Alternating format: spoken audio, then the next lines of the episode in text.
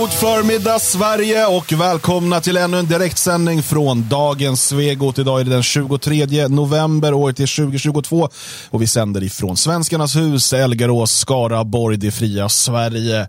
Jag heter Dan Eriksson och mitt emot mig står två muntra herrar. Mm. Magnus, mm. filosofen Söderman. Oj. Jaha, Jalle, återigen utan mellannamn. Horn. Hornet är ditt mellannamn. Ja, det. är, det, är det som definierar dig. Mm. Hornet. Ja.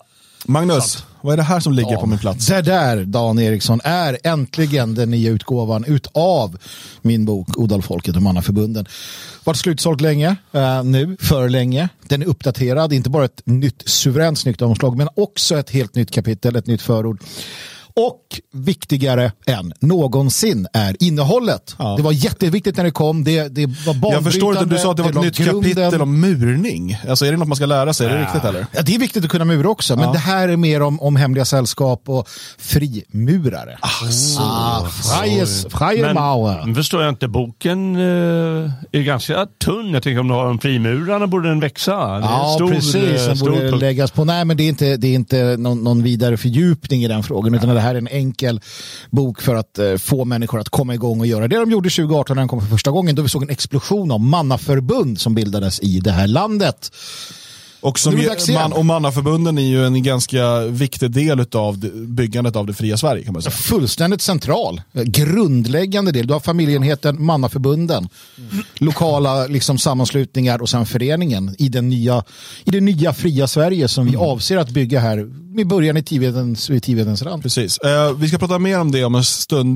Du kan också gå in på logik.se. Vi har beställt uh, första tryckningarna, kom, den kom igår eller ja, förrgår. Uh, och finns nu här att skicka ut.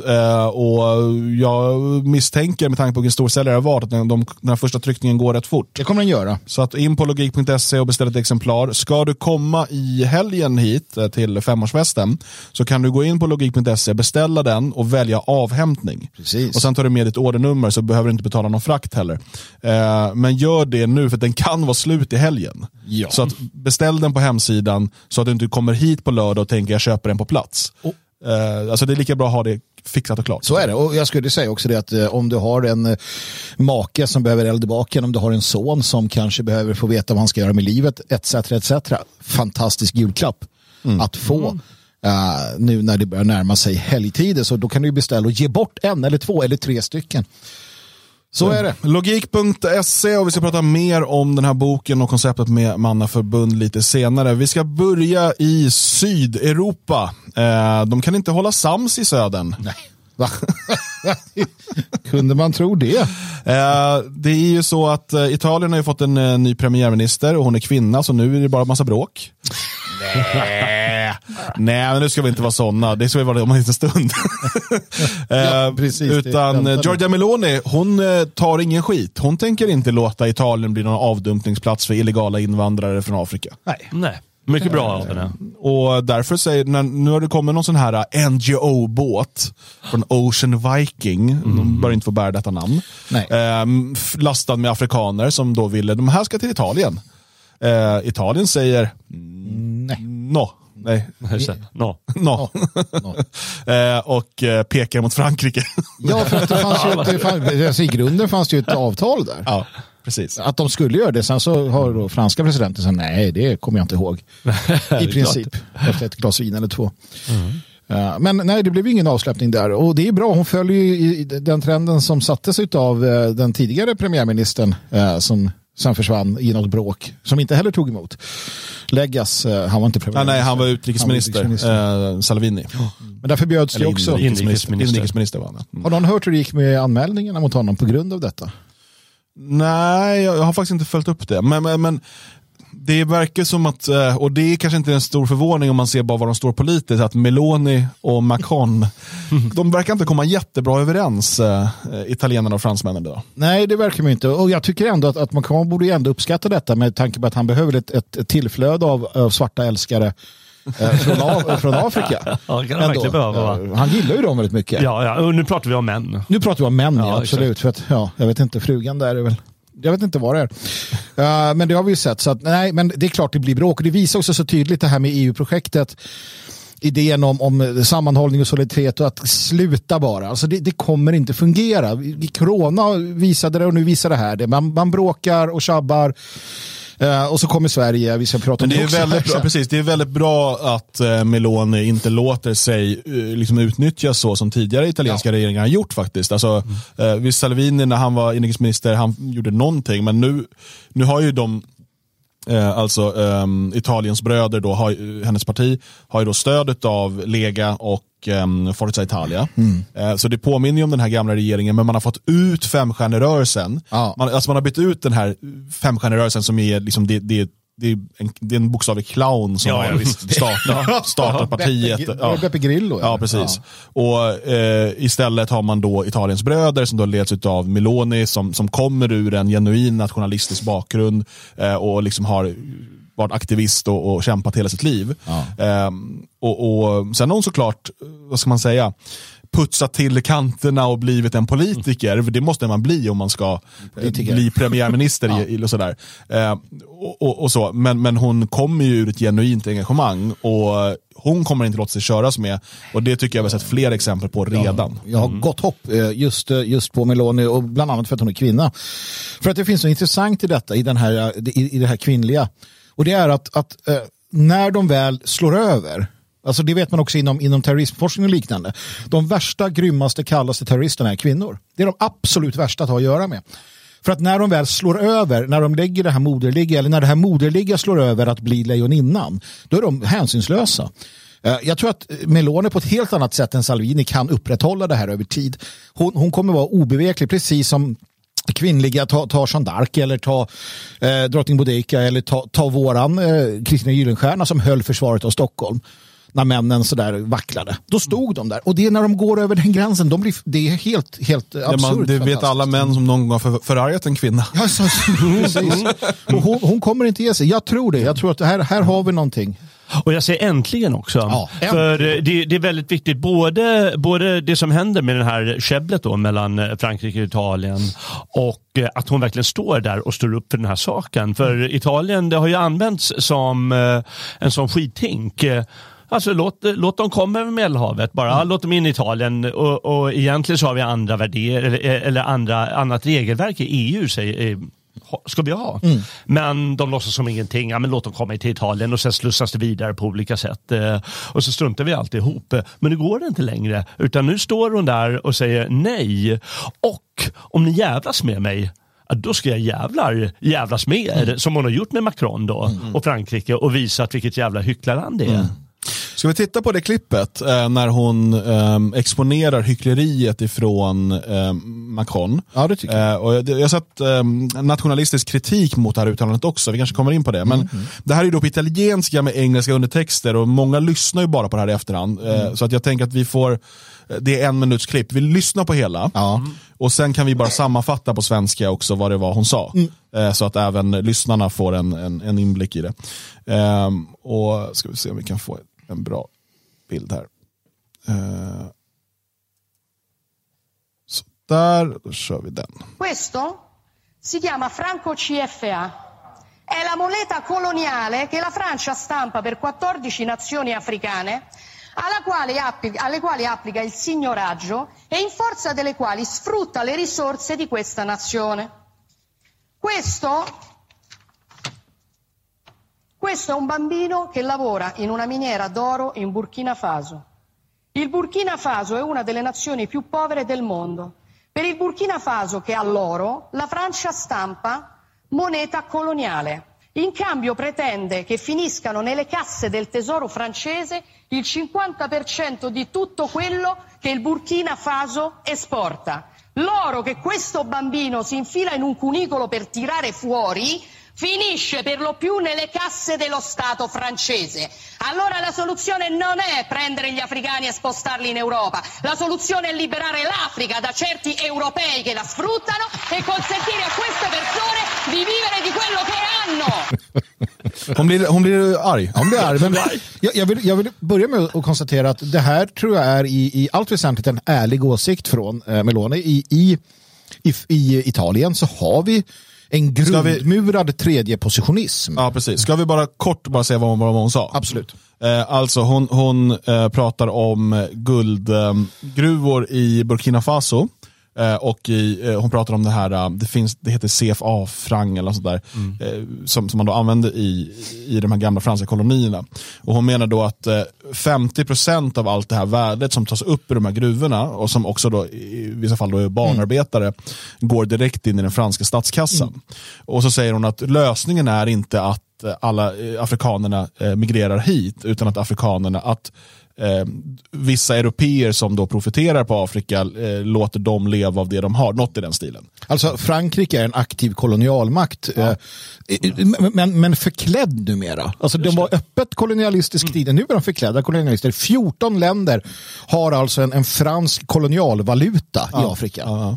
Eh, som, som, som de trycker åt dessa länder. Det, det är, Precis. Nej, och det du säger är viktigt där. Man måste förstå en italiensk politisk tradition av den här tredje positionismen. Eh, där eh, man, man har en, det är en antiimperialistisk, mm. en antikolonial mm. eh, inställning. Också från det som vi skulle kalla då den nationella högern och så vidare. Absolut. Mm. Det, det, det, är en, det, den här traditionen finns ju i Frankrike också. Mm. Men den är ju som, som kanske starkast i i Italien. Mm. Och eh, Det är det hon ger uttryck för. Hon, hon har också en, en typ av etnopluralistisk grundsyn i det här. Liksom att eh, man ska lämna olika folk i fred och låta dem leva i sina länder och inte eh, utnyttja dem. Jag måste säga, jag tror jag vet varför. Varför är det så särskilt starkt? Vi, eh, Logikförlag kommer ju här var det Lider ut en bok på ämnet om tredjepositionismen och varför är den så stark just Italien?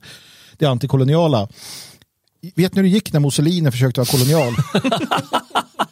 Alltså sämre kolonialmakt får du leta efter. De fick ja. stryk överallt. Ja. Tyskarna fick komma in och rädda dem. Ja, om och om igen. Så jävla jo. dåliga på kolonialism. Det, det kan vara därför.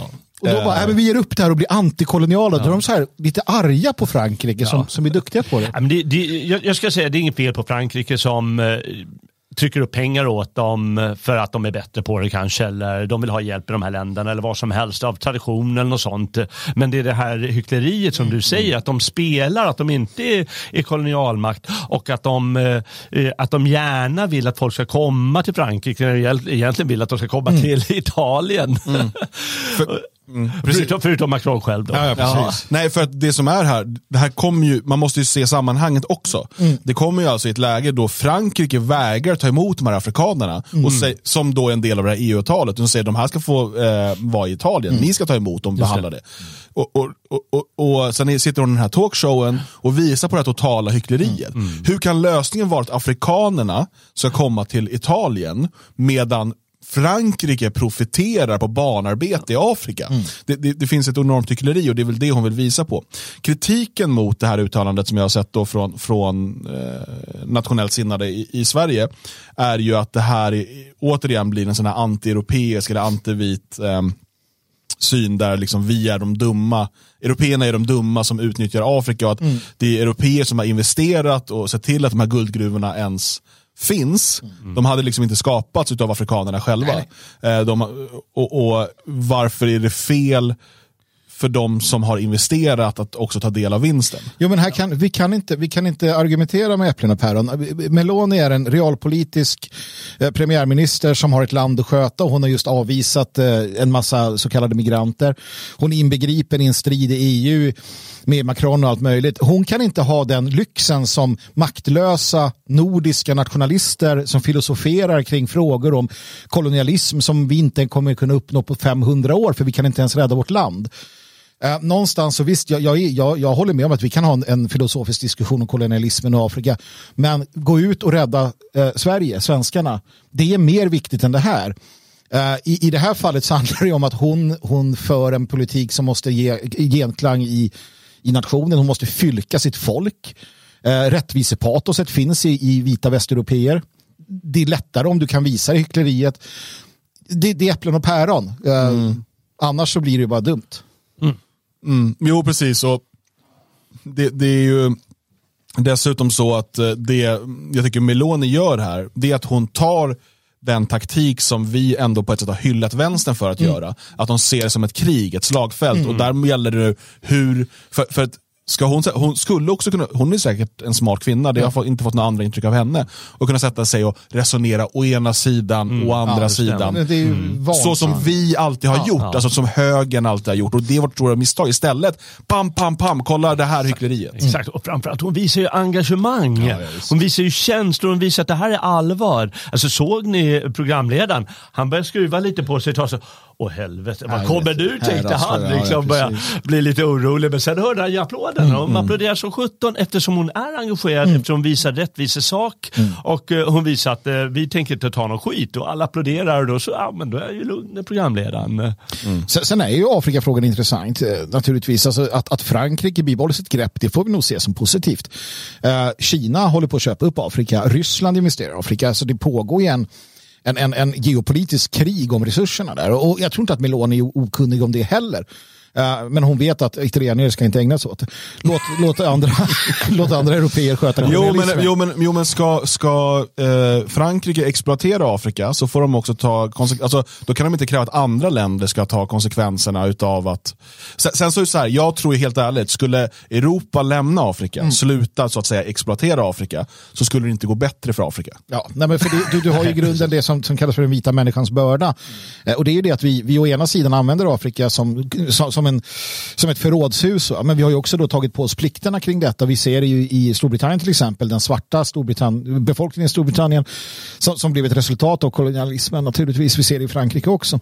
Eh, det blir så. Eh, det blir så liksom per automatik. Folken växer samman även, även på det sättet det är inte helt oproblematiskt och det är den vita människans börda. Ja, men jag menar i ett rent hypotetiskt, eh, liksom, en hypotetisk valmöjlighet där de sa okej, okay, vi måste lämna Afrika och vi får inte använda de resurserna alls. Vi mm. låter afrikanerna ha det helt mot att mångkulturen avskaffas och vi liksom, men vi får mm. hitta resurser själva och klara oss där vi bor och vi får hitta andra lösningar om det är något vi behöver för batterier. Då får vi uppfinna batterier på ett annat sätt då, mm. än, än det som vi använder därifrån. Eh, då hade ju jag tagit den den dealen alla dagar i veckan. Mm. Nu, nu är inte verkligheten så enkel Nej. och man har inte det enkla valet utan sanningen är att det är många olika aktörer som slåss om de här resurserna. Så det, det är... ja. sen är skillnaden, och sen är det så att som nationalist så har du en grundidé om att Uh, en grundidé som säger att du lämnar andra i fred. Vi, vi vill handla, vi vill på olika sätt och vis göra rätt för oss. Men sen är det ju naturligtvis så, det ska man aldrig sticka under stol med. Om det står mellan oss och dem, då är det oss som gäller. Ja.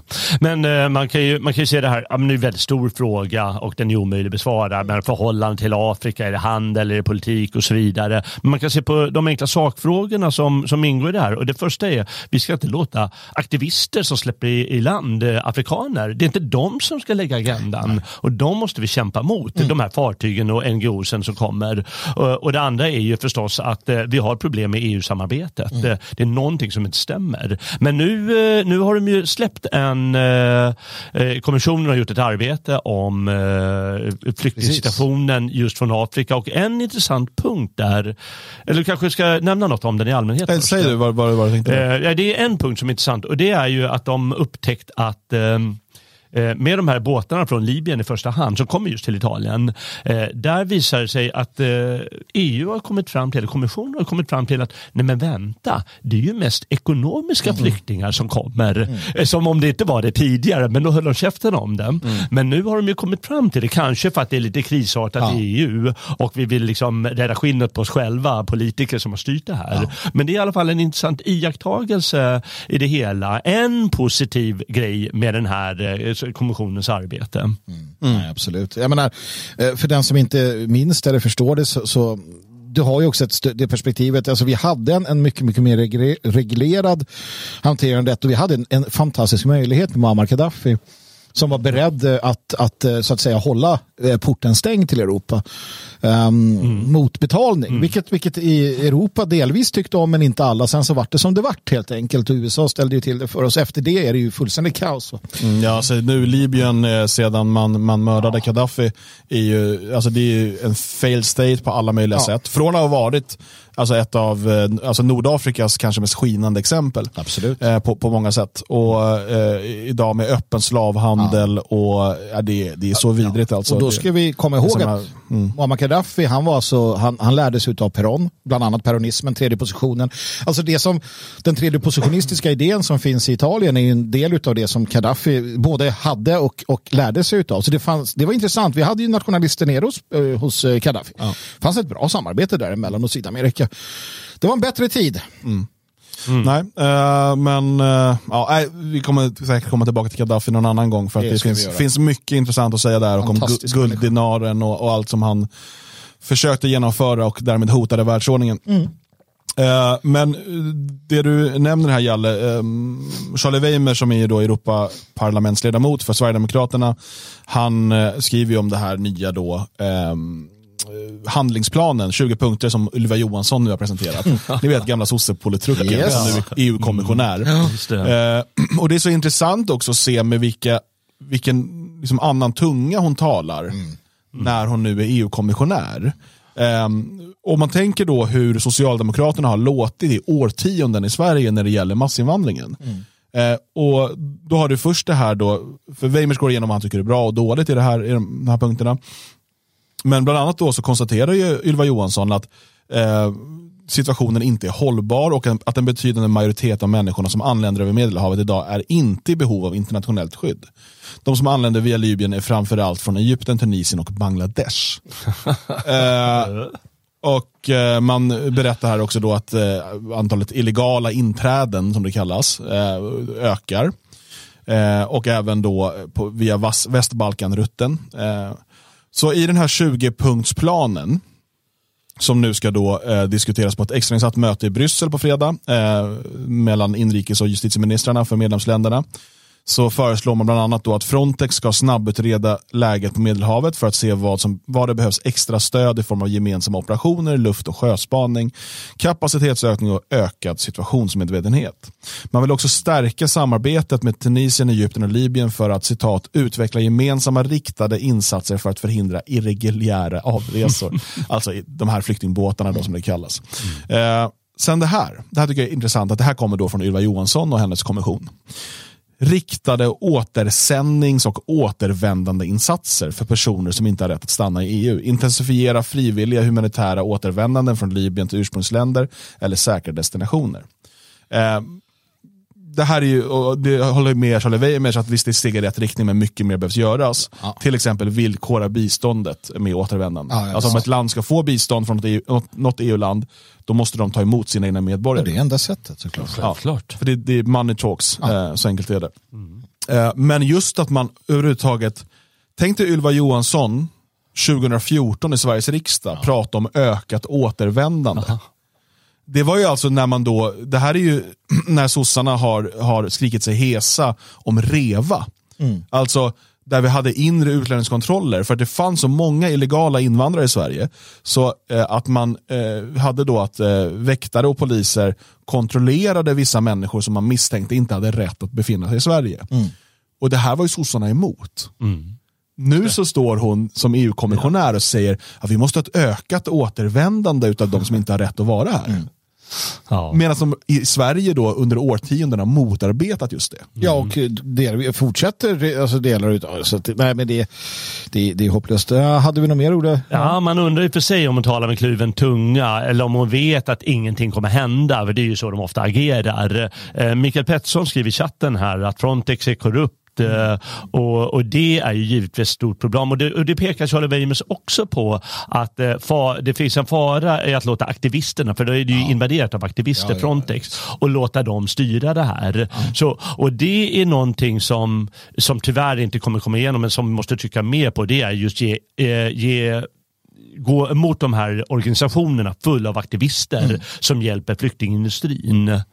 För den är ju stora faran i det hela. Ja, när, när, du säger flyktingindustrin också så får vi inte missa det faktum att eh, alltså, organiserad brottslighet i Europa, olika typer av maffiaorganisationer och liknande, de har enorma, i Italien speciellt, enormt mm. mycket investerat i flyktingsmuggling. Ja. Så där måste man slå till också, måste slå till mot ja. den organiserade brottsligheten på alla nivåer. Mm. Så att det vi har är ju en, en vänsterbliven aktiviströrelse som går till sängs med organiserad brottslighet, människohandlare mm. etc. med prostitution och knark och allt annat som kommer i spåret av detta. Barn, pedofili, allt möjligt. Och så, så har du då vänsterextremister som hjälper dem mer än gärna för att de har något här över idé om att det ändå är godare att de kommer hit och blir våldtagna än stannar kvar i sina hemländer. Jag vet inte, de är sinnessjuka. Ja, det är och, och det från högsta nivå ända, ända ner. Liksom. För att man, man jämför ju här, och Amish tar upp det här med vad kan man lära Australien? Att EU ska då lära Australien. Som hade en, en, en stor kampanj, har fortfarande att säga nej, ni kommer inte hit och sådär. Um, no way, this will not be your home och så vidare. Mm. Men ingenting det hon säger är ju heller, du vet, det är det man måste göra. Man måste sänka en flyktingbåt och säga att vi kommer sänka varenda båt som kommer. Sätta upp lappar i hela Nordafrika. Kommer ni hit så sänker vi er på ja, alltså, det, det är både ja. piska och morot. Ja. Piskan i form ja. av att vi kan sänka skeppen om de kommer. Moroten i form av att ska ni ha bistånd i framtiden så behöver ni ta emot era medborgare. Och ni måste, man måste också ställa krav på de här länderna att ni ska också se till att era medborgare inte försöker ta sig hit. Mm. Om det här fortsätter kommer vi hålla er skyldiga. Vi, men då måste man också förstå att vi inte har något ansvar gentemot uländer. Vi har inte det. Nej. Vita västerlandet har inget noll, nada, nischs ansvar gentemot dem för någon jävla grymhet i historien. Det har inte med oss att göra. Vi skiter höglänspolitiskt i dem. Det är vad kommissionen ska säga. När, när Burkina Faso kommer, uh, skit på dig. Vi har inget ansvar. Gör som vi säger, annars så, ja, invaderar vi. Ja, invadera. Inte italienarna, de får inte göra det. Det blir bara trassel. Det är svårt att invadera när man bara har back. Ja, det är ju det. Backväxel. I. Så jävla svårt. Mm. Att de byggde sina stridsvagnar med backväxel bara. Tänk om vi har någon italienare nu halvt sådär som sitter arg på oss. Paolo Roberto. Han är arg. Förlåt Paolo. Uh, bjud mig på pasta så ja. är det lugnt. Uh, Ja, vi ska lämna Meloni Macron och istället gå över till titelämnet om eh, könskrigets eh, många förlorare. Eh, och vi gör det genom en liten paus med en liten eh, låt som mm. kan fylla på kaffe och sådär. Eh, och sätta stämningen alldeles, alldeles rätt.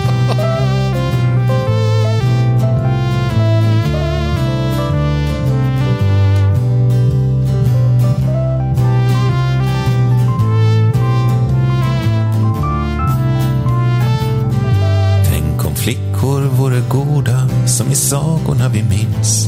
Där de pussar på en groda för att grodan ska bli prins. Tänk om fula, blyga, störda kunde få en statlig fru. Så de slapp gå runt och mörda och ha vapenblogg som nu. För är det deras fel eller ditt när de du nekar blir till Hitler? Ta med en incel hem ikväll och gör han snäll, det kan du väl? För annars väljer han bordell slash terroristisk incelcell. Det kan vara din timmes njutning som förhindrar en skolskjutning. Det är din kropp, men är den så speciell? Ta med en incel hem ikväll.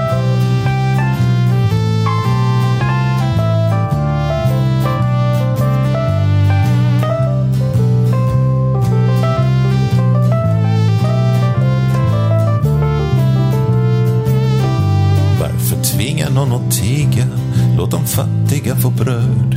Ge de fula lite ligga så de slipper sprida död. Och du säger celibata kunde löst sin situation. Om de inte var så lata, tog en dusch och fick motion. Och har de trots det svårt att få makor kan de ha samlag med kakor. I huvudet? Det finns ett vetenskapligt sätt att bota män som är i färd att blanda krut och köpa svärd. Och det är bara med ett sängdåd vi kan stoppa nästa sprängdåd. Det är din kropp, men är den så mycket värd?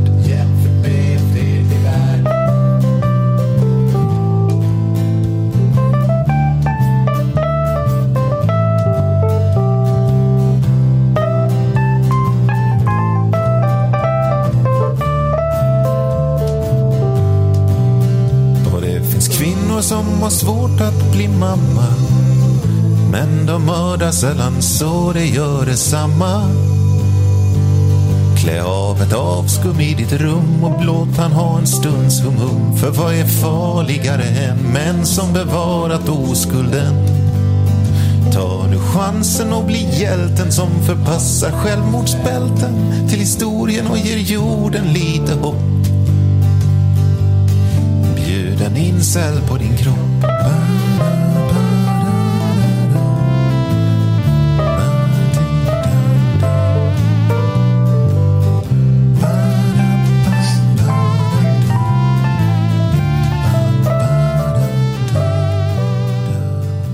Ja, det är ett tungt och stort ämne, så låt oss börja lättsamt tänker jag. Ja, han har, eh, han har sina poänger, Ola Aurell. Eh, Det finns en poäng där i, eh, men i komiskt syfte så är den kanske lite överdriven. Ja, jo, natur naturligtvis. Kanske. Kanske, men det är inte helt säkert. Du får se vart vi landar. nu gäller det att hålla tand för tunga. Ehm, vi ska prata eh, könskrigets många offer och vi ska börja med eh, att prata om liksom polariseringen mellan könen, män och kvinnor. Det är de två som finns nämligen, eh, om någon är osäker. Eh, annars, ja, annars kan det inte vara, det är två poler, ni fattar. Det kan inte vara, det kan inte vara polar, jag är trött på att samma människor som säger att det finns 300 kön säger att det är en polarisering mellan könen. Ja, nej, precis. Man får ju välja här någonstans. Ja, alltså. någonstans. Eh, och Svenska Dagbladet har just nu en artikelserie Oj. Eh, om konsekvenserna av detta. Igår publicerade man då den här artikeln, eh, Vänstertjejer har sett mig som lägre stående. Eh, eh, det var bara något jag ville säga, så det var ingen artikel. Nej. eh, det, är- de eh, talar då med en sverigedemokrat, tidigare förtroendevald, eh, som heter, och det är roligt, han heter alltså Marcus Fritiof Andersson. Eh, och Fritiof Andersson hade ju problem med kvinnor han också va? Det hade han. Ja, ja. Piraten. Piraten, ja. Ja, det var Sydamerika, det var... Ja, men det var, han, fick ju gå till, han fick ju lösa det där på olika sätt och vis. va? Jag vet inte, jag bara kände att när jag såg att han hette Fritiof Andersson blev det så, Ja, så ja, konstigt. visst. Nej, Ja, eh, Okej, du- nu ska vi... Det här, det här är seriösa frågor, men vi, du ser, Vi det är jobbigt för oss att eh, tala om det här. Vi gör det här på vårt sätt och det är är det. det bästa sättet. Så är det. Eh, och han, men han berättar om ett, ett problem han har haft när det gäller att eh, träffa kvinnor eh, på grund av hans åsikter och att han då är uttalad sverigedemokrat. Är det tack vare hur man nu ser det? Eh, och när jag, läser den här artikeln och, och eh, förstår att jag liksom är lyckligt lottad som inte har varit singel på väldigt, väldigt länge. Um, jag, har inte, jag har aldrig varit singel under Tinder-eran till exempel. Det för mig är det, liksom en, det är en okänd värld. Jag har sett kompisar som har visat hur den här appen funkar men det har liksom aldrig varit eh, det verkar livs, alltså det verkar liv, själadödande. Jag tillhör ju kategorin VVT. Ja. Våga vägra Tinder. Alltså det är bara så, det skulle aldrig, skulle aldrig falla mig in. Ofta sammanfaller det också med VVS, Våga vägra eh, sex-gruppen. Ja, men då, då är det ett pris värt att betala. I sådana fall så är det ett pris värt att betala. Det, man, man måste ha principer här i livet alltså, för i helvete. jo, nej, nej, men så, jag, jag, så Ja, men tin, alltså, Tinder är ju, det är ju sataniskt, en satanisk eh, konstruktion eh, som reducerar allt vackert. Ja, jag, jag, jag, vet ju inte om det, men jag kan tänka mig att eh, det som har hänt är, med Tinder är samma sak som hände då på 60-talet. Eh, eh, på 60-talet och 70-talet då var det de snygga killarna, söta eller på något sätt charmiga eller någonting, de fick alla tjejer. Med den sexuella revolutionen som det kallas för, eh, ja, med p-pillen. Och då fick de verkligen, jag, jag, jag, träffar, jag, jag känner fortfarande vissa män där jag frågar mig varför får han alla tjejer. Och det, är verkligen, det är inget speciellt med dem. Det är någonting med leendet eller ögonen eller någonting. Och jag känner folk från den tiden som berättat att ja, nej, jag fick alla tjejer. Jag var varje kväll en ny tjej på rummet. Vet du. Jag var bara 17. Allihopa. Och nu har samma sak hänt igen tydligen. Mig veterligen, eh, rätt mig om jag har fel, Tinder bygger på en, en eh, homosexuell eh, förlaga som heter Grindr. som heter Grindr. Själva idén är att du reducerar allting till, till det, det ytliga och det sexuella. Det finns inget annat, utan det är det som är som grundfundamentet, precis som den homosexuella världen fungerar.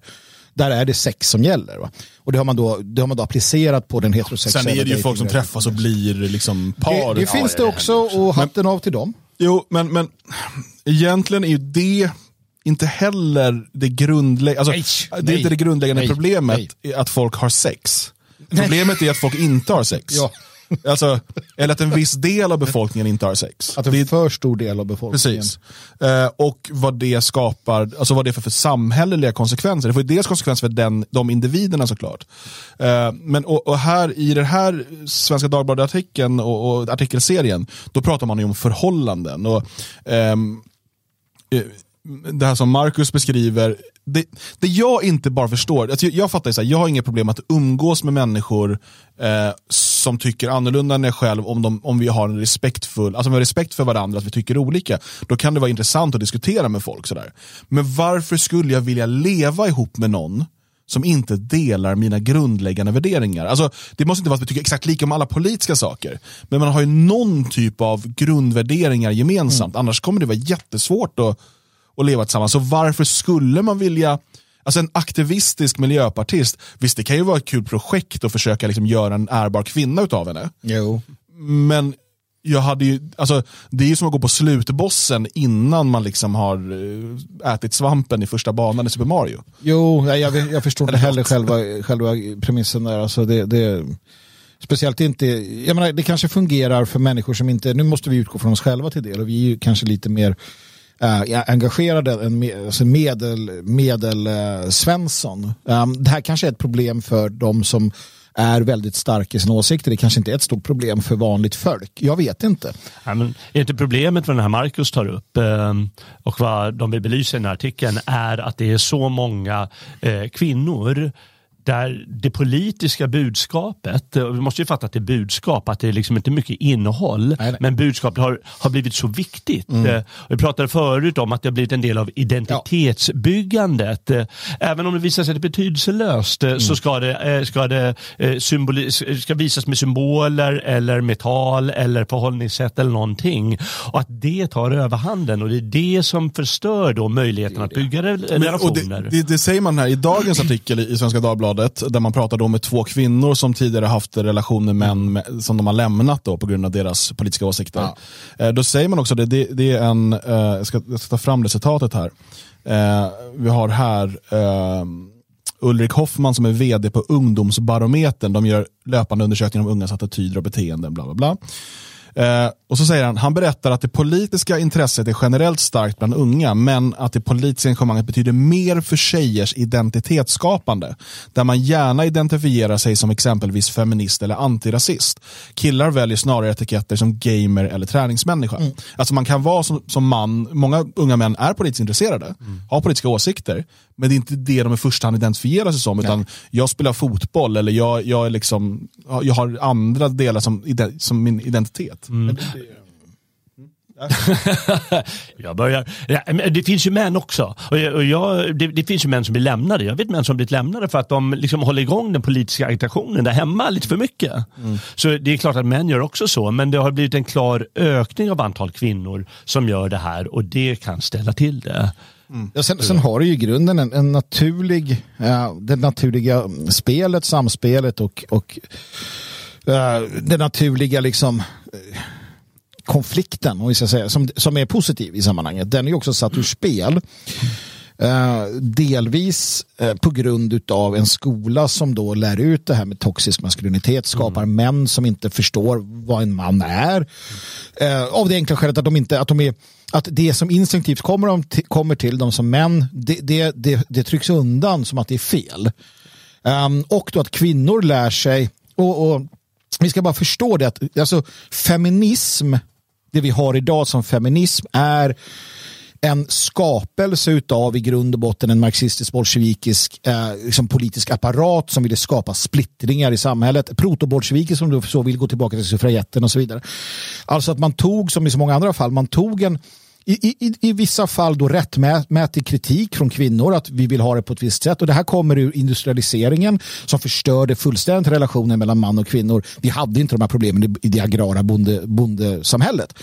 Men i alla fall, allt det här följer på det och man använder det här då för att skapa splittringar. Feminismen är ett sätt att skapa en splittring i ett samhälle för att man ska kunna tjäna på det i det långa loppet. Det måste man ha klart för sig.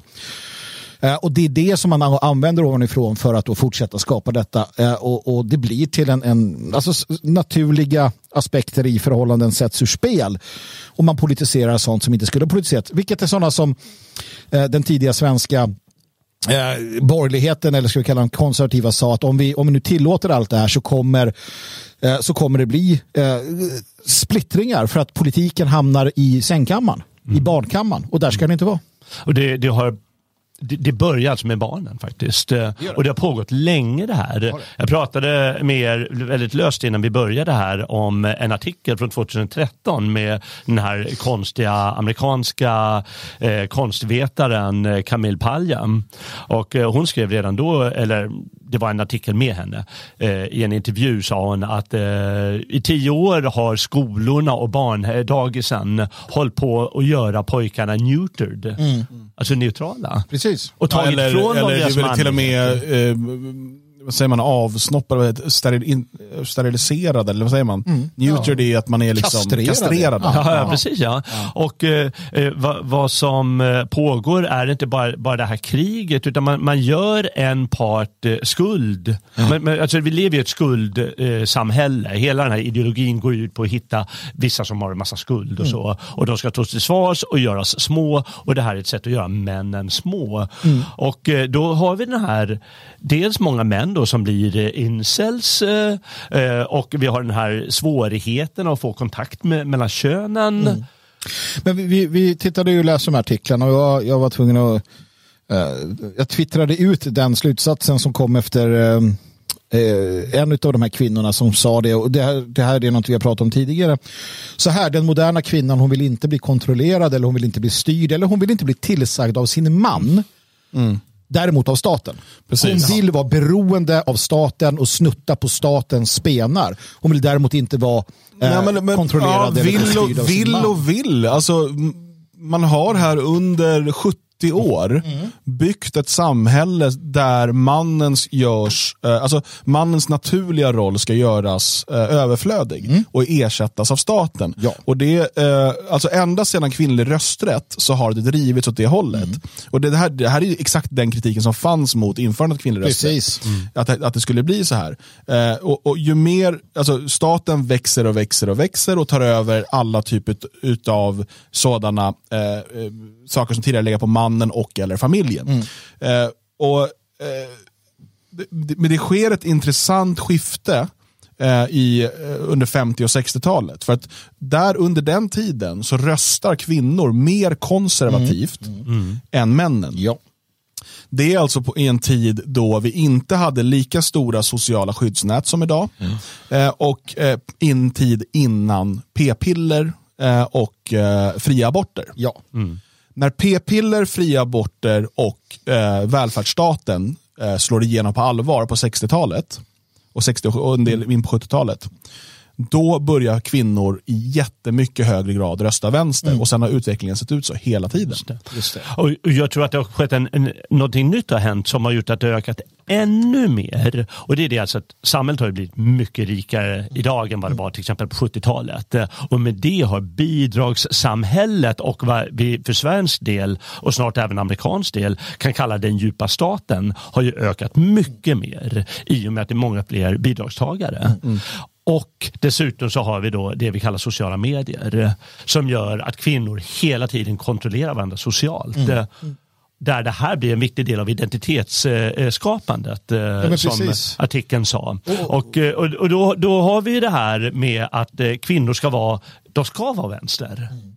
Mm. Jo, men vi har ju det som också tas upp i de här artiklarna, till exempel då att uh, uh, kvinnan är rädd för, eller det talas om, eller man märker, och det här är något vi vet allihopa, man är, man är rädd för hur ska den här killen uppfattas i mitt sociala sammanhang. Mm. Mm. Um, och han passar inte in där och det är viktigare i det sociala sammanhanget, mina väninnor och så vidare, arbetskamrater grannar. liknande, grannar, det är mycket, mm. mycket viktigare än den här killen. För att ja, alltså han ger inte, han, han, han, han, han, han ger inte så jävla mycket ändå, mm. så att det är bättre med det. Och då då är du, tillhör du då en, är du en man som inte passar in där?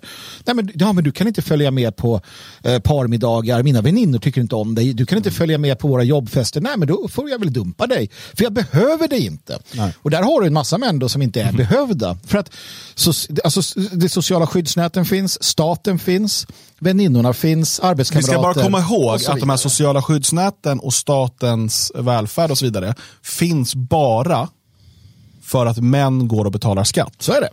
Mm. för att kvinnor jobbar i mycket högre utsträckning eh, i offentlig sektor, alltså mm. det som finansieras via det som den privata sektorn skapar. Nu är det inte så att alla, det säger inte att det i offentlig sektor är parasiterande arbeten. Det är livs, många av de arbetena är livsviktiga, inte minst inom vård och omsorg. Alltså, så missförstå mig inte i det. Men det jag menar är, det hålls ekonomiskt upp.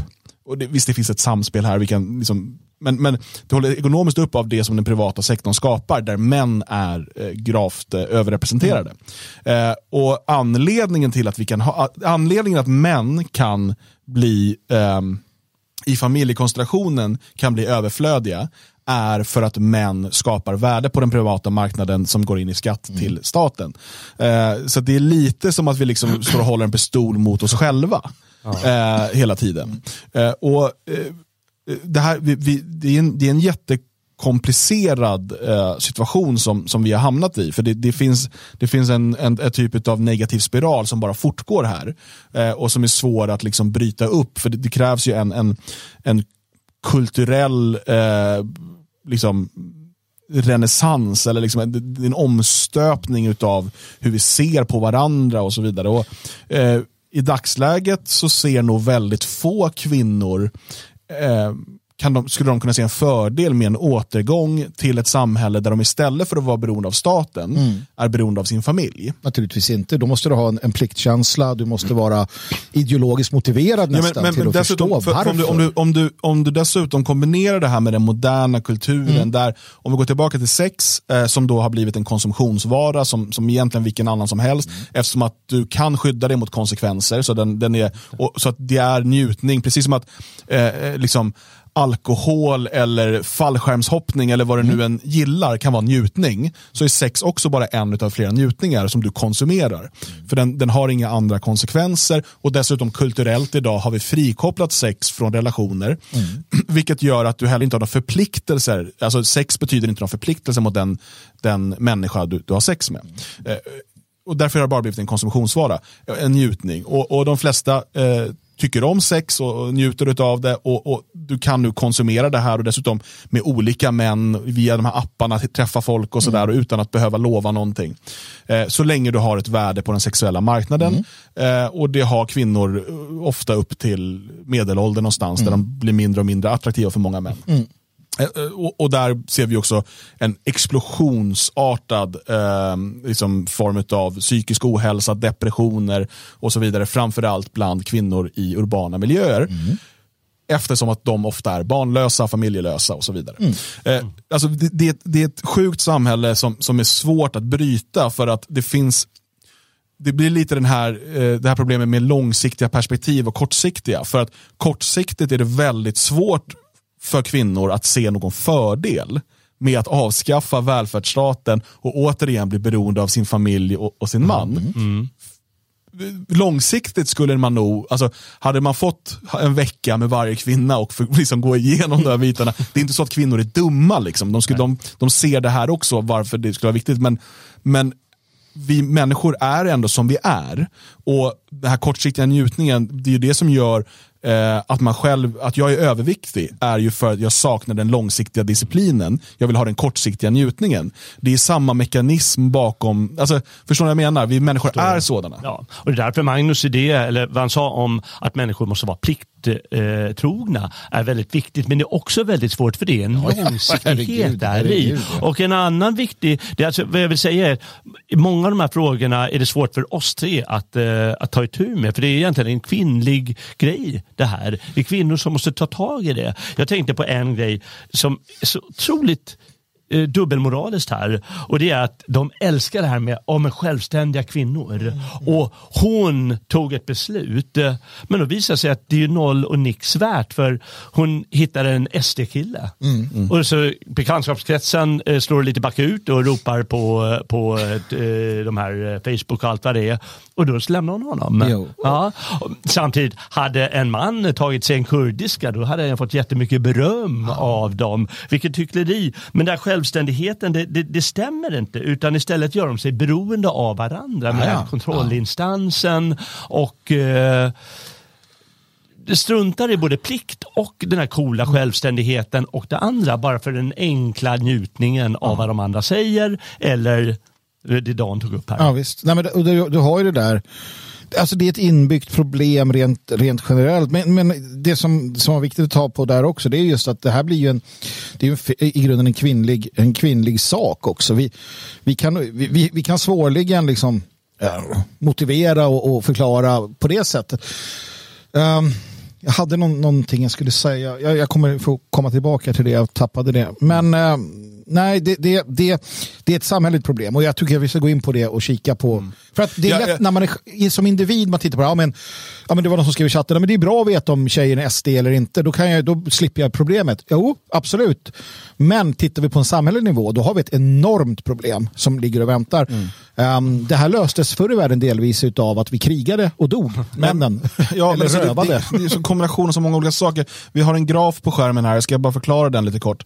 Uh, den är, det är då från USA eh, och där ser man, det är nog en graf över män och kvinnor i åldrarna 18 till 30 och hur många som då uppger att de inte haft sex senaste året. Mm. Och Det är då man brukar kallas för incel. Om det är ofrivilligt och du inte haft sex senaste året så är du en eh, incel enligt då det här begreppet.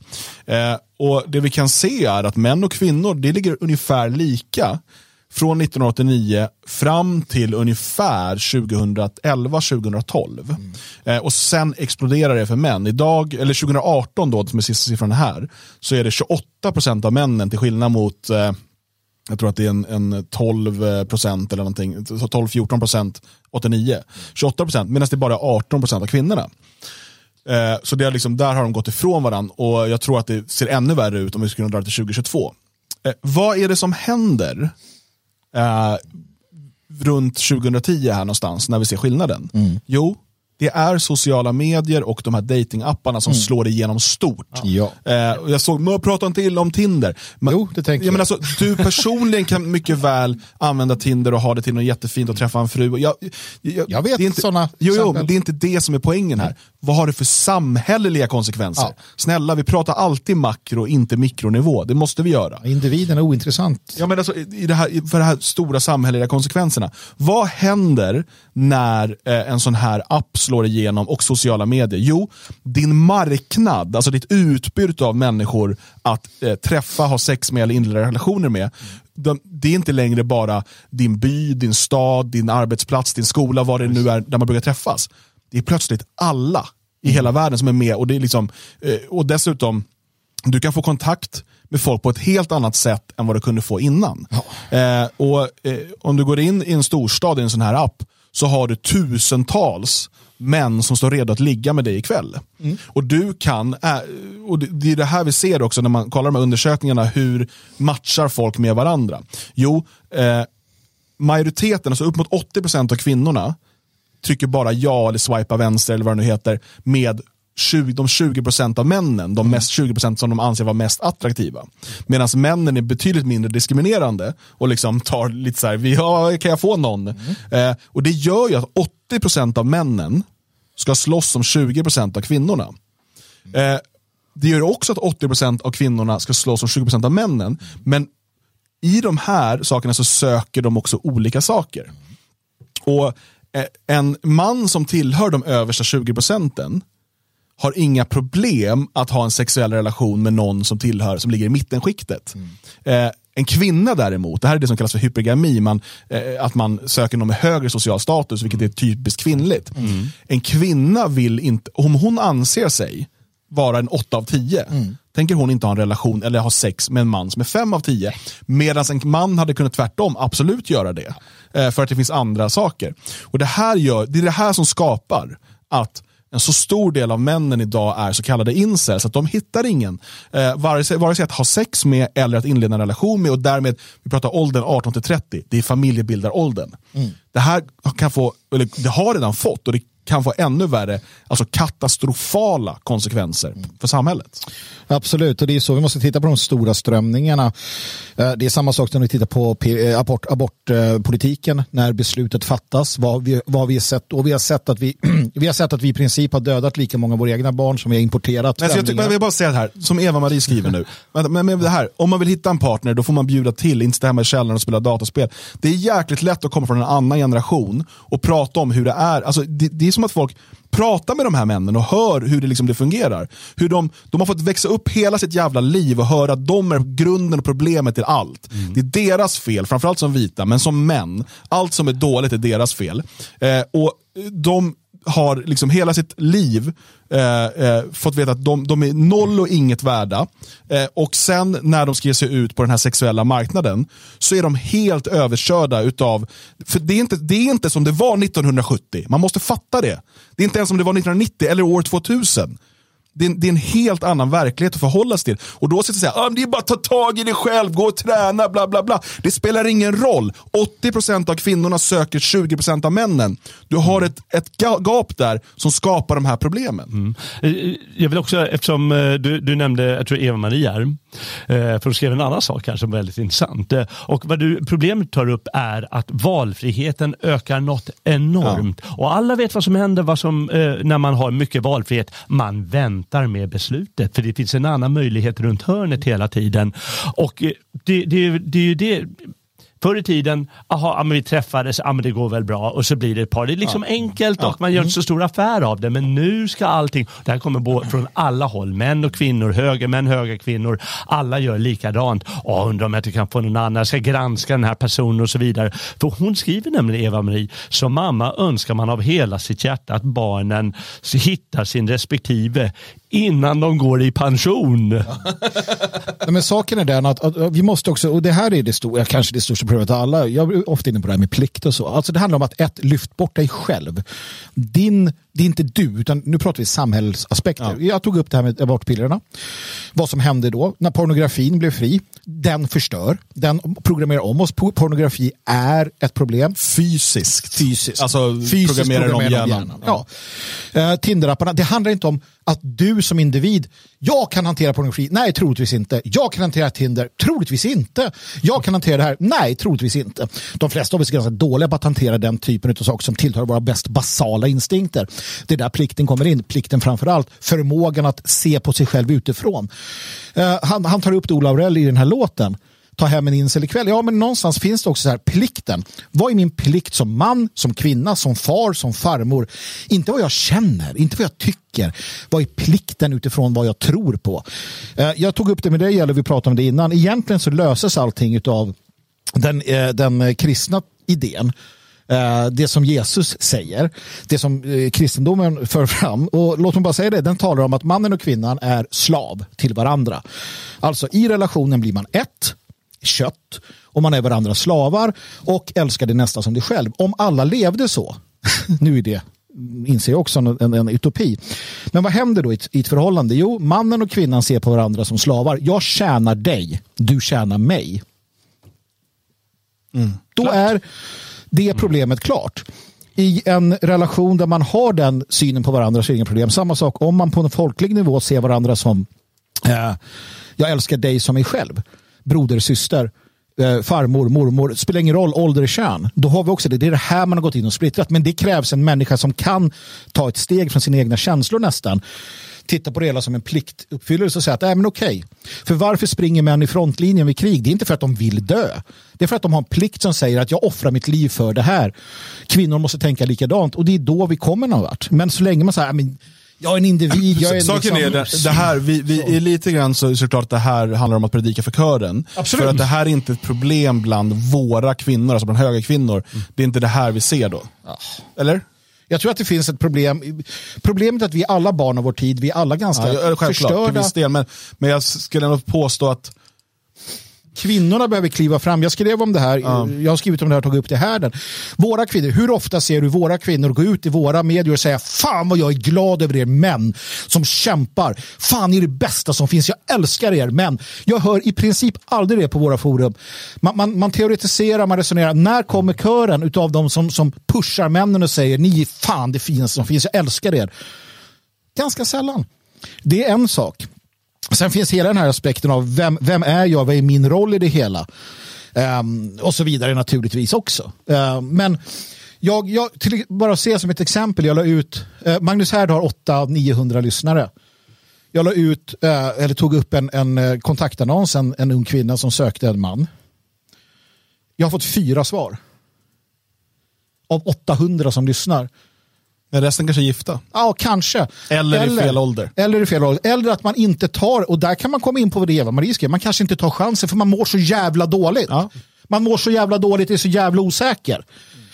Um, och då tar man inte ens chansen. Man känner, vad har jag? Jag är en toxisk jävla... Nej, jag orkar inte. Det går inte. Vi har enorma problem med detta. Uh, och, och, här måste vi på olika sätt och vis lirka fram. Och kvinnan har en jättestor roll att spela i detta. Ja. Och uh, återigen, uh, för att återgå till hur, hur det var lite förr i tiden. Alltså det var lite enklare för att det, det betydde så mycket allting betyder så jäkla mycket nu. Och det är en del av den här sociala kontrollen mellan framförallt mellan eh, kvinnor för de gör det här eh, på Facebook eh, och, och den är mycket starkare den här ah, hörde du det, hörde du det? Skvallersamhället betyder mer. Att ta en inställning att man kan ha plikten som en grej. Mm. man kan tona ner det också och säga men det betyder inte så mycket. Jag kan ju ta den där killen Berra men han är ju okej okay, liksom Ja, ja, visst. Och inte betyda att ja, men han ska vara perfekt. Ja. Vad är det för ett liv? För det är också en del av det här, det är inte ja. Tinder-grejen, men del av, av den här Facebook-grejen. Ja, jag skulle säga att också Hollywood, eh, alltså den, den falska bilden av eh, romantik som, som ges via populärkultur. Ja, ja, visst. Eh, ger också en, det ger, eh, vad säger man, förväntningar, vad, vad heter det? Eh, o, alltså förväntningar som aldrig kan uppfyllas. Mm. Mm. utav, utav hur det ska vara. Ja, ja, sen, jag menar, och, och om, man, om man är där då ja. inser man att ja, den politiska aspekten, ja, men de är inte så jäkla noga. Okej okay, om man liksom tjatar hela tiden eller hon tjatar hela tiden, ja men då kan det ju vara liksom. Ja eller om man är helt man... oense om grundläggande ja, ja, precis, ja. Ju... Men att någon håller, tycker det eller tycker det, det kan ju inte spela så stor roll. Jaha, men om hon ser ut si eller så, jag menar, jag kommer ju inte få Julia Roberts ändå. Det kanske kan till och med krydda sexlivet lite. Ja, så du vill höja skatten igen? Kom hit och höj din skatt. jag, jag, bara, jag bara säger det, jag vill också ta upp det för det här är någon, en av mina käpphästar rent sådär. Eh, arrangerade äktenskap i framtiden skriver Emma. Eh, jag är också övertygad om att det var en sak som var bättre förr. Inte arrangerade äktenskap, jo på vårt sätt, på det germanska sättet. Ja, precis, inte tvångsäktenskap. Nej, utan att, att, i det, framförallt agrara men också senare och upp i klasserna, mm. då satte sig åldermännen och kvinnorna, farmor och mormor och så, och konstaterade att ja, du, Jalle här, han är ju i giftasåldern. Och Greta där i den familjen. Alltså det, de, Fröken Thunberg. Ja. Ja, så här, de skulle, det, man, det man lärde sig och fick hjälp med, vem passar jag med? Mm. Man överlämnade inte det stora beslutet åt en ung människa att bara fatta beslut om när de är kära och glada. Utan så här, mm. du passar med den här, för det vet farmor och mormor och farfar och morfar som har levt i 80 år. De ser det, ni passar nog bättre ihop. Och så vidare, man lyssnade. Det var en helt annan sak. Den hjälpen fick inte jag när jag var ung.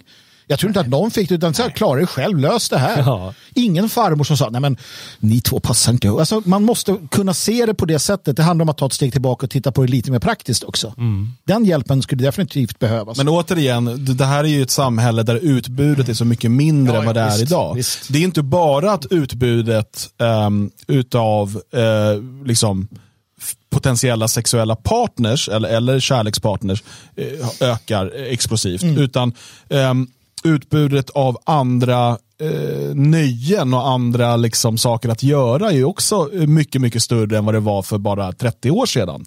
Eh, alltså, eh, det här går ju väldigt, väldigt fort. Ehm, Eh, i, i en tid då, eh, vi, vi talade lite innan sändningen här om att eh, man kan se även bland eh, gifta par att de har mindre sex idag än de hade tidigare. Ja.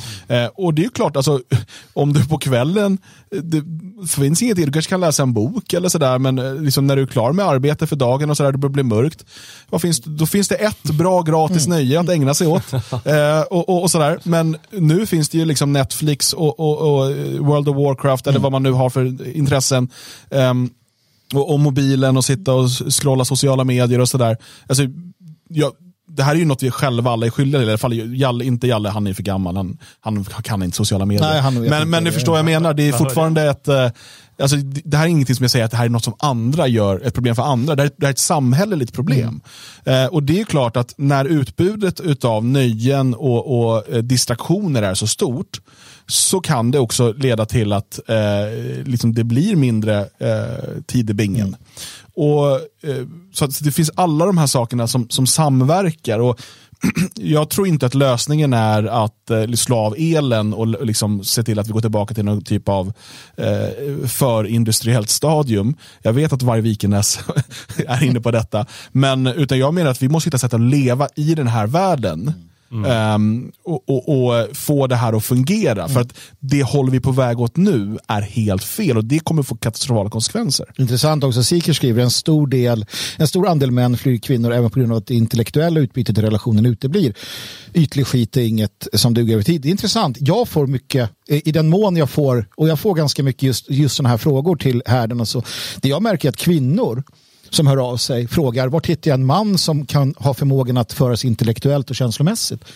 Eh, det vi ser idag är att vi har ett, ett, ett utbildningsgap. Männen har ingen högre utbildning i samma utsträckning. Jag säger inte att den eh, högre utbildning som kvinnor får, socionomutbildning och liknande, är kvalitativ på det sättet. Men männen minskar, alltså förmågan för männen att föra den typen av då som anses eh, intellektuella högre utbildningssamtal, det gäller också litteratur och liknande, minskar för att vi har teknisk utbildning medan kvinnorna går den här, läser filosofi och vad det nu kan tänkas vara, medan andelen män som gör det minskar markant. Mm. Så de som kommer ha problem med att hitta intellektuellt utbyte framöver, det är kvinnor. Mm. För männen pratar om hur man alltså, lagar en motor eller de utbildningar vi går mer praktiska medan mm. kvinnorna. Så att det jag märker där är att kvinnor frågar vad fan hittar jag intellektuella män? För de, de ja, det finns ju bara tre måste... i Sverige och de uh, står ju här just de nu. De står här nu, absolut. jag vill bara säga, Leif är inne på en viktig sak i chatten också, det här, uh, och det är något som jag tror man kan ta med sig som yngre framförallt. Det är att ett förhållande och ett äktenskap, uh, det är att man, att man liksom formar varandra över tid mm. också. Mm. Det här idén om att det, allt, det ska vara den perfekta, allt ska vara rätt från början. Det är, inte så, det är inte så det fungerar. Det är en Hollywood eller en mm. saga eller vad som helst. Utan det är snarare så, hitta någon som du känner dig kompatibel med och sen är det någonting, ni, den här relationen och det här äktenskapet är ju någonting ni, ni jobbar på hela livet mm. sen. Och, och, med tiden växer man samman och man lär sig varandra och man, man liksom formar mm. varandra. Alltså det, så, det, men jag tror att man, man, man har för höga krav i ett initialt skede. Mm. Eh, och, och det, det är farligt. Jo, men och sen, ja, jag vet inte, jag lägger in också så här att vad har du för kulturell uppfostran? Vad lär du dig? Alltså när du är liten, om man läser sagor, både klassiska och lite modernare kanske, man, man tar del av eh, liksom skönlitteratur och liknande, inte serier på tv kanske på samma sätt, utan att du, att du hela tiden får det här med dig, du växer upp i detta. Tänk att växa upp i en familj där du har en mamma och en pappa, inte en mamma som bor här och en pappa som bor där.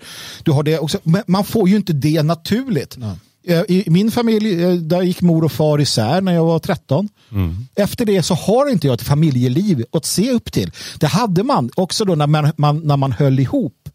Eh, då uppfostras ju barnen till detta. Du har äktenskapet som har hamnat i vanrykte. Vad är äktenskapet? Mm. Jo, det är att man och kvinna står inför församlingen och samhället och säger att vi två, vi ska hålla ihop resten av livet. Man lämnar ett avtryck, man, man är ett föredöme. Det finns inte idag. Varför ska jag hålla ihop? Alltså, alla orsaker till varför jag ska anstränga mig. Ja, och sen som någon skrev där, ja, men jag kan ju vara fet och, och, inte ta hand om mig också som man, för jag kan gå till horhus. Jag kan, gå, jag kan åka till Tyskland och göra det öppet, det är lugnt. Så varför? Det finns liksom incitamenten. Ja, absolut. I, att, jag menar, um, speciellt i länder där prostitution är så lättillgängligt så finns ju, alltså att just sexbiten är mm. inga problem. Nej. Har du pengar kan du dessutom köpa sällskapsbiten. Precis. Har du pengar blir du dessutom en del av de där 20 procenten ja. som får lättare ja, kvinnor. Precis. Så att det där brukar lösa sig av sig själv då. Men, eh, visst är det så, men, men det här handlar ju om eh, att sex eh, från båda könen eh, har blivit bara en konsumtionsvara. Mm. Eh, och, man ska inte säga moralisera för mycket. Jag menar, folk har alltid, vad vi vet i alla fall, gillat att ha sex. Man kan och alltid moralisera. Jo. jo, men det är inte det som är problemet. Problemet är när, i, i dagsläget när familjen är sönderslagen och ersatt av eh, välfärdsstaten eh, och eh, vi dessutom har det här magiskt stora utbudet och den här snabba tillgången till eh, kortsiktig njutning. Mm. Och det, det, det, blir en farlig cocktail. Eh, ska vi kolla på den här tråden ifrån, i Twitter här som jag har haft på skärmen ett tag? Ja, det kan eh, ja, absolut. Ja. Utav J. Fäll, eller vi understreck Fäll på Twitter. Mm. Han skriver så här, incels i media igen. Så lätt att håna, avfärda eller demonisera. Veka män ger beröringsskräck till män som inte vill sympatisera och förknippas med dem och förståeliga äckel från kvinnor. De är samhällets dåliga förlorare men också en allt växande grupp av människor som enligt utsago mår väldigt dåligt och upplever sig orättvist behandlade. Vi brukar försöka hjälpa sådana grupper. Detta, det spelar ingen roll ifall de har rätt eller inte enligt oss, då de finns, lider och de blir fler eh, som hookup-kulturen och avvecklandet av kärnfamiljen skördar offer eller befriar människor beroende på perspektiv. Den sexuella revolutionen var inte oproblematisk, vilket man ser i väst nu, i en rad saker trots sina förtjänster. Enligt statistik från de vanligaste datingapparna, där de flesta träffar partners genom nu, så swipar folk på väldigt bekymrande vis. Hela 80% av vanliga män tävlar om 22% av kvinnorna i botten. Och toppens 78% av kvinnor tävlar om männens topp 20%. Snällt uttryckt och räknat, vissa undersökningar är mindre skonsamma. Med andra ord, den stora majoriteten av kvinnor tävlar om samma minoritet av män som de tycker sig förtjäna och beklagar sig över att dessa bara vill ligga. Som dessa antagligen har kul, som män ofta vill, medan de väntar på någon som i sin tur matchar dem i den högre toppen. Och majoriteten män klagar på att de inte får ligga alls. Dessa osynliga halvmän. Ingen nämner parbildande, bygga relation, som just de själva säger sig vilja. Och ingen nämner att mötas i mitten, att själv kunna erbjuda det den andra vill ha, utan bara sin egna checklista, ligg. Män borde shape up och kvinnor borde sänka kraven, låter det. Jag hör hyckleri och arrogans. Marknaden bestämmer ditt värde, inte du. Köper ingen din produkt är det en skitprodukt eller för ambitiös prissättning. Ingen verkar inse sitt sexuella marknadsvärde. Att män och kvinnor generellt värderar olika saker i en partner. En 40-årig kvinna i halvdan form med ett par tonåriga barn eh, till en annan man som utbildat sig är smart, stark och erfaren med mognad och självständighet kan inte förstå varför en jämngammal man istället drömst går efter en 24-årig hot girl. Hon själv har ju så mycket mer att erbjuda en partner. Hon antar att män söker samma egenskaper som hon gör i en man. Icke så, generellt biologi spelar roll. Fysisk attraktion, fruktbarhet och ungdom eller följsamhet, optimism och energi, vad det än är så verkar män föredra yngre helt enkelt. It is what it is. Saknas detta så anpassa andra saker. Jobba på dig själv eh, på sätt eh, kap till män uppskattar eller var singel, ditt val. Och dessa incels till män som inte verkar kunna eller vilja förbättra sig eller bygga sitt utseende, självsäkerhet, status, ofta sociala kompetens eller ekonomi till som tryggt kan tävla mot andra män de förverkligar 38 40-åriga män som likt 24, 24-åriga kvinnor är i toppen av sitt market value blir förbittrade då de ju är snälla och tjejer säger att de vill ha snälla killar så då ska de minst, minsann få tjejer. Det är ju rättvist för de är ju snälla. Nej, det räcker inte. Sorry. Hon tar fler risker, har skäl att vara kräsen, i this what it is, jobba. Det här, ja, så fortsätter det. Och det här är också en viktig insikt att du som man normalt sett står på ditt alltså ditt högsta värde på den moderna sexuella marknaden när du är närmare 40 och är etablerad och har en, en, en trygg ekonomi. Mm. Alltså, um, men det är så det ser ut. Det är det här som är ja, poängen, men, att du, vi kan önska att det skulle se ut på ett annat sätt. Nej. Nej. Eller ja, nej men så här, ja, det vi gör nu, det JFL gör, det alla gör, det är så att, nej men vet ni vad, förr i världen så var det sånt här som predikades varje söndag och höll ihop familjer och människor förstod allting. Mm. mm. Sen sket vi i det och så kraschade allt och nu ska vi berätta det här igen. Saken är ju den att den gamla traditionella synen har ju alltid varit de här sakerna. Man har förstått det här, man har förstått biologin, man har förstått att du etablerar dig, du blir äldre, du har ditt hemman, du har allting, sen väljer du en fru eller får en fru. Hon är oftast betydligt, äng, eh, betydligt, betydligt yngre, eller åtminstone yngre, så att hon kan föda dina barn och säkra att det går vidare. Och så håller man ihop resten av livet och så vidare och så vidare. Och så vidare. Det här är inget nytt. Och en gång i tiden, då gick, dels fick vi det här med sagorna, vi fick det här från farmor och mormor och morfar och far, så. Man gick också i kyrkan varje söndag där det predikades du ska hålla ihop med din familj annars ska du brinna i helvetet och så. uh, kan man tycka att då kom, då kom liksom folk och bara så där ska man inte säga så kraschade allting. Uh, sen så visste man då att ja, ibland så var man otrogen ibland gick det åt helvete. Då sa man så där ska du inte göra, gör inte så här igen. Och så hycklade man lite men man höll ihop man in i det längsta. Sen sket vi allting och nu så sitter var och varannan kille och tjej så här, ja men så här ska man göra. Lyssna för fan på traditionen. Det är ju inte svårare än så. Och får det till det varje söndag i kyrka, ja det var mycket bättre. Så enkelt är det. Så, så är det. Tycker jag. Vi är förstummade. Vänta på att jag ska börja predika i kyrkan. Men då ska vi få hit dem också. Och höra vad man säger. Ja, nej men alltså det, det finns ju viktigt, alltså det, det, är ju det ser ut som det gör idag och det behövs en, liksom en kulturell förändring. Eh, men och, och, Vi brukar ibland prata om att politik är nedströms för kulturen. Här har vi ett exempel eh, där man kan säga att det finns ett samspel. Mm. För det är absolut en kulturell revolution som ledde fram till den politik vi har idag. Men den politik vi har idag formar kulturen vi har idag. Mm. Alltså att här är också kulturen nedströms för politiken. Alltså anledningen till att vi har den här kulturen, de problemen eh, vad det gäller relationer och, och, och sex och så vidare, beror ju på politiken med, med välfärdsstaten och så vidare. Mm. Eh, alltså, det, beror, det delvis beror på det, det finns flera faktorer såklart. Eh, så att eh, det, här, det, det, är ett väldigt omfattande problem. och ja, det som man, man talar gärna om liksom problemet med incels är liksom de här eh, terroristerna, någon som går och skjuter eh, någonstans, som, som har hänt några gånger. Det är ju verkligen att det är inte ens toppen på isberget, det är mindre än så. Ja. Det stora samhälleliga problemet, eh, alltså män som inte, eh, som inte har, känner någon eh, mening, alltså vad, vad lever de för? Mm. Eh, om, om, för att jag menar, Soma kan bara hålla igång det ett, ett tag. Liksom. Mm. Du kan sitta hemma och spela tv-spel och dricka och röka gräs och alla de här sakerna.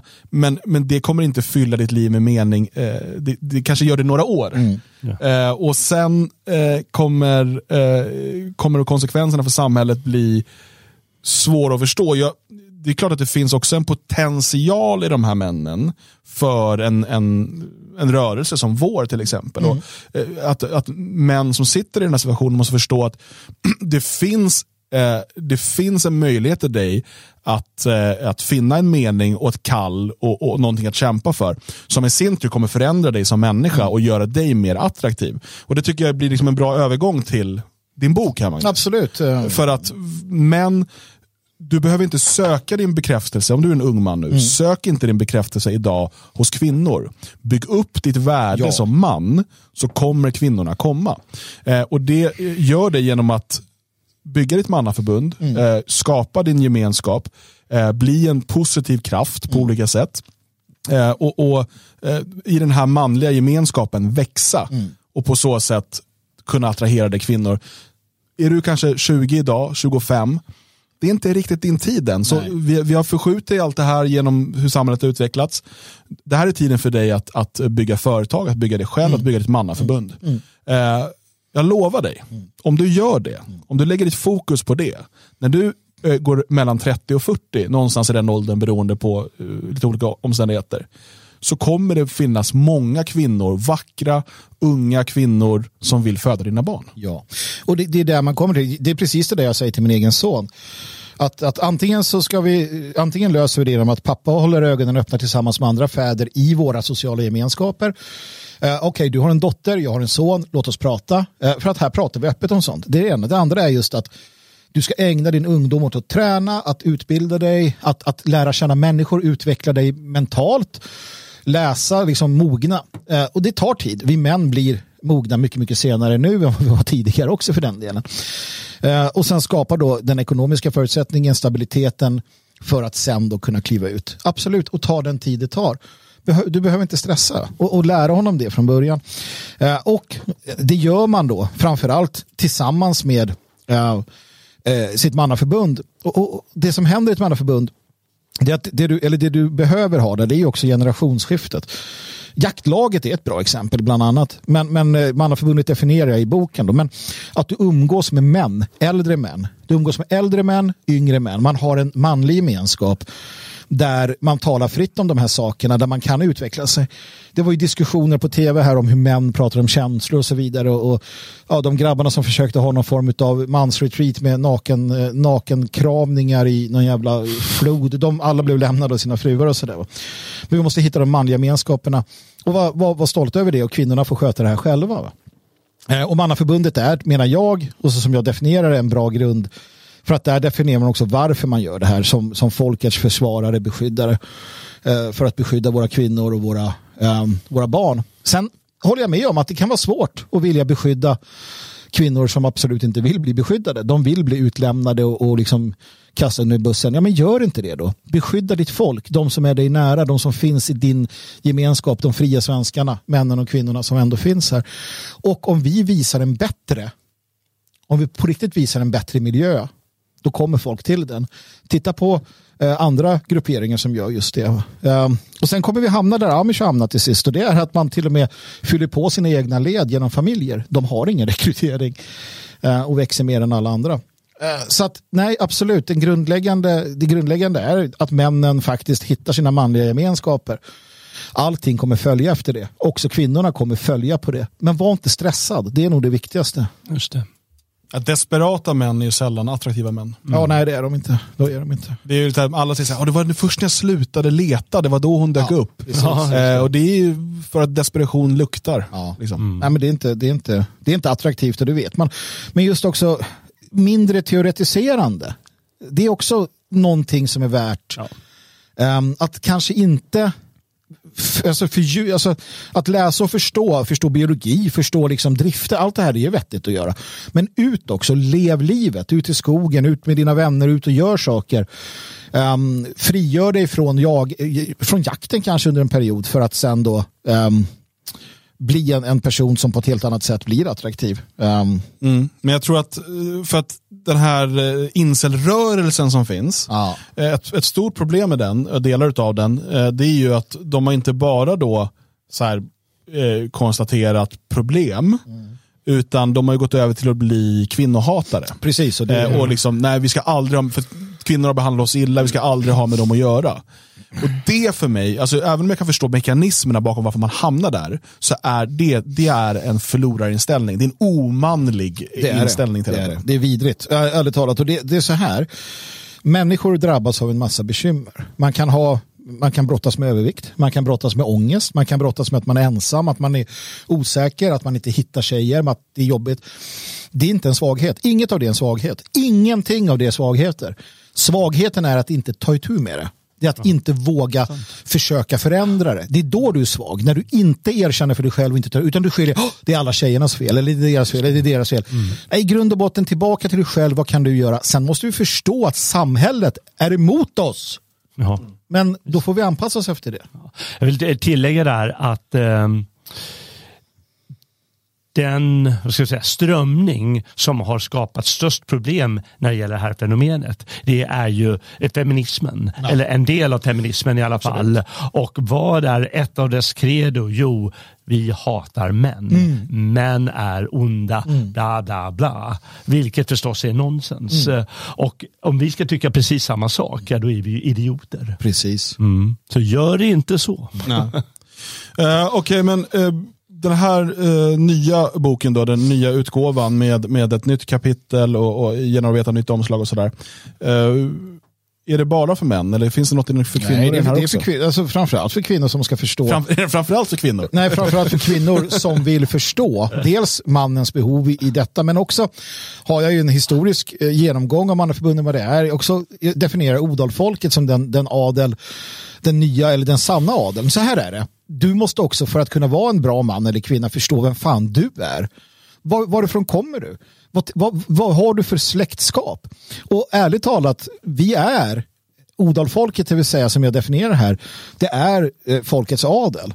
Och, och de definierar jag genom hur de fungerar och så vidare. Och, och jag tror att de flesta av oss kommer komma fram till att, men vänta nu, jag är inte bara en du vet, de kallar oss en massa fula ord. Nej, jag är fan, jag, jag tillhör det nobla, det, det adliga mm. folket. Det, det är den jag är. Och när du börjar förstå vem du är och det arv du har fått, ja men då börjar du känna så här, fan, ja, men jag är svensk, jag är vit, jag är europé, jag är liksom fri. Det är viktigare. Um, och då kom man ju fram till det, för vi pratade om den här SvD-artikeln där, när, när, när det visade sig att en, en, en man då, som, han ville inte vara styrd av staten, han ville klara sig själv och så vidare. Mm. Han blev lämnad av sin, sitt fruntimmer för att hon ville då tvärtom. Ja, hon tyckte det var ett problem att han var emot att staten la sig i hans liv. Ja. Att han var självständig. Att han var självständig. och, och då, om du då förstår, och det kan ju vara jobbigt, då har du två val. Antingen så förstår du varför du ska sträcka på ryggen och säga, ja men stick då. Eller så får du böja dig ner och ta det. Och när du har läst den här boken och förstår vem du är, varifrån du kommer, vad du tillhör för, för liksom del av, av världens befolkning, ja då kommer du stå stark och rak i ryggen och säga, nej men okej, då får väl hon dra. För det är viktigare att vara fri. Det är viktigare att vara fri och stark. Och när du är det, då kommer du till sist attrahera fria och starka kvinnor. Mm. Eller män. Var det någon böggrej där? Nej, men Nej. Uh, ah, okay. som kvinna så attraherar du också ah, män. Ja, ja, okej, okay, då förstår vi. Ja. Vi vill inte ha meningslösa ja, Man kan också attrahera män till sitt mannaförbund. För, för det här är ju också ett problem som jag ser. Det är ju det att hela den här jävla mansrörelsen framställer ju också att vi, då, att vi våra kvinnor söker någon jävla våp som ska vara någon jävla underkastade så här. Eh. Och det stämmer inte heller. Titta till vår historia. Brynhilde med liksom en, en äh, kavel som kan sätta oss på plats när vi behöver, för det behöver vi. Så att, nej, mm. uh, jag är perfekt. Ja, du är så jävla hunsad.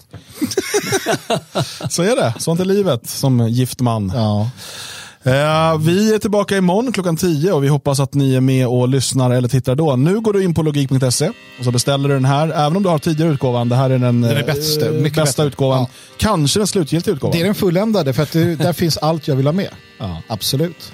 Stort tack för idag. Vi hörs snart igen. Grannfolk glömden, storhet bäddat i jorden. Vår storhetsdröm om herraväldet i Norden. Den storhetsdrömmen lyster oss än att leka i nya bedrifter. Låt upp våra gravar, nej, giv oss män i forskning i färger och skrifter.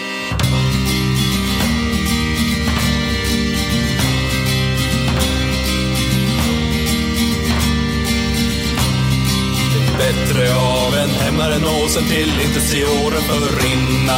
Det är bättre att hela vårt folk förgås så att gårdar och städer brinna. Det är stoltare att våga sitt tärningskast än att dyna med slocknande låge. Det är skönare lyst till en sträng som brast än att aldrig spänna en båge.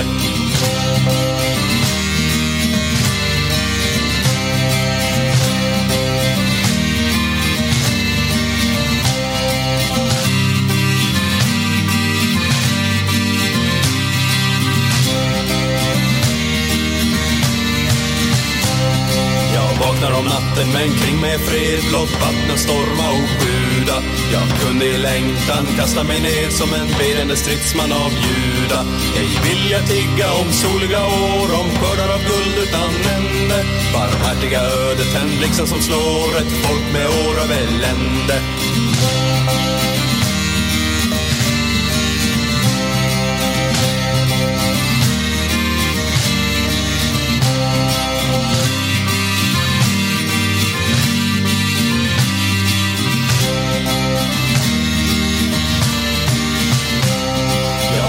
samman med gisselslag och blåaste vår skall knoppas. Du ler mitt folk med mest stela drag och sjunger men utan att hoppas. Du dansar hellre i sidenbåden, tyder din egen gåta. Mitt folk, du ska vakna till ynglingadåden, att du på nytt kan gråta.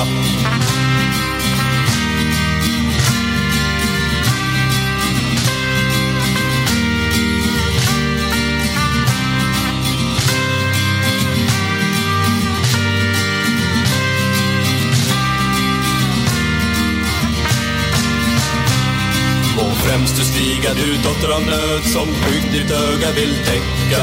Så älskar vi dig att vore du död, vår kärlek skulle dig väcka. Om natten blir sömnlös, om löjet blir hårt, vi stryka dig ej på den färden. Du folk, du land, du språk som blir vårt, du vår andestämma i världen.